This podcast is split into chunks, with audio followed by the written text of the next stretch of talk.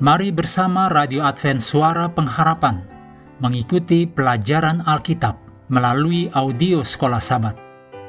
Selanjutnya kita masuk untuk pelajaran Minggu 20 November. Judulnya Orang Kaya dan Lazarus.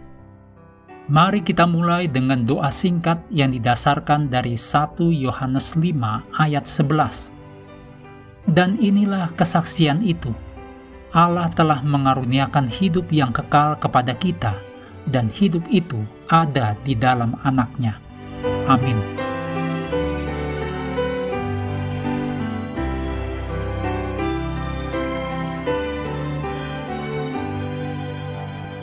Lukas 16 ayat 19 sampai 31 mencatat perkataan Yesus mengenai kisah yang populer saat itu, yaitu orang kaya dan Lazarus yang miskin.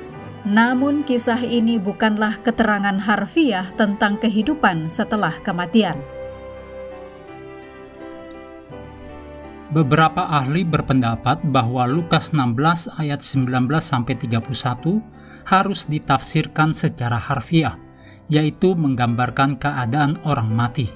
Tetapi pandangan ini akan mengarah pada beberapa kesimpulan yang tidak alkitabiah dan akan bertentangan dengan banyak ayat-ayat yang telah kita lihat.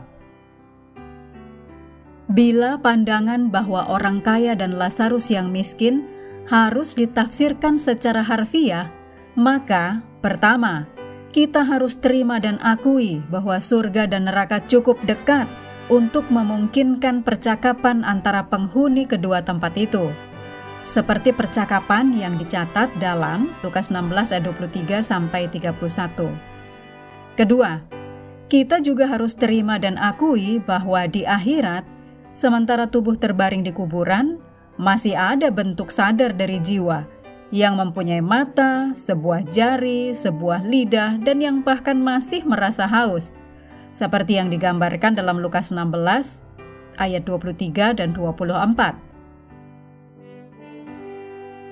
Jika ayat-ayat ini menggambarkan keadaan manusia dalam kematian, maka surga tentu tidak akan menjadi tempat sukacita dan kebahagiaan, karena orang saleh yang selamat dapat selalu melihat penderitaan tak berujung dari orang yang mereka kasihi yang tidak selamat, dan bahkan berdialog dengan mereka, seperti yang ditulis dalam Lukas 16 ayat 23 sampai 31.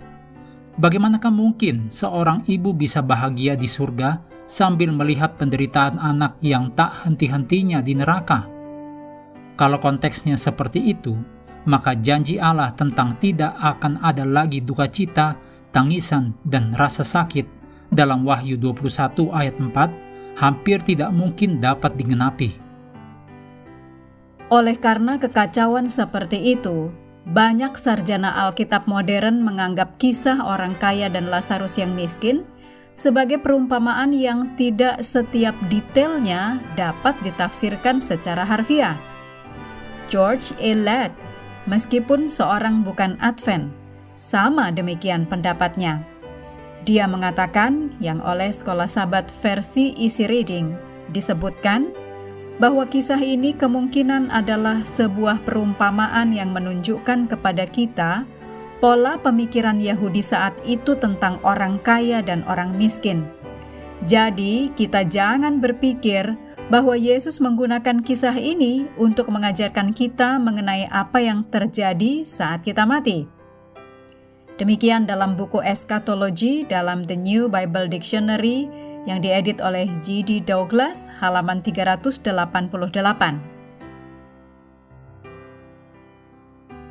Perumpamaan tentang orang kaya dan Lazarus menunjukkan kontras yang tajam antara orang kaya yang berpakaian bagus dan seorang pengemis bernama Lazarus yang penuh luka.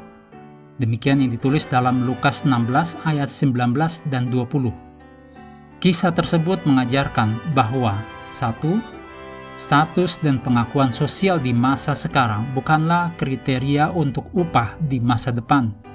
Dan kedua, nasib kekal setiap orang ditentukan di kehidupan ini dan tidak dapat dibalikkan di akhirat.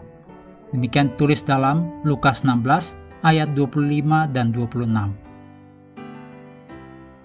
Lukas 16 ayat 31 mengatakan, kata Abraham kepadanya, jika mereka tidak mendengarkan kesaksian Musa dan para nabi, mereka tidak juga akan mau diyakinkan, sekalipun oleh seorang yang bangkit dari antara orang mati.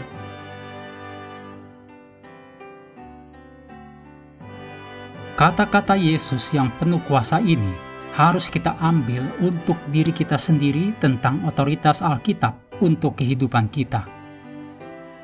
Mengakhiri pelajaran hari ini, mari kembali kepada ayat hafalan kita, Yohanes 5 ayat 39. Kamu menyelidiki kitab-kitab suci, sebab kamu menyangka bahwa olehnya kamu mempunyai hidup yang kekal. Tetapi walaupun kitab-kitab suci itu memberi kesaksian tentang aku. Hendaklah kita terus tekun mengambil waktu bersekutu dengan Tuhan setiap hari, bersama dengan seluruh anggota keluarga baik melalui renungan harian, pelajaran sekolah sahabat, juga bacaan Alkitab sedunia percayalah kepada nabi-nabinya, yang untuk hari ini melanjutkan dari 1 Raja-Raja pasal 20. Tuhan memberkati kita semua.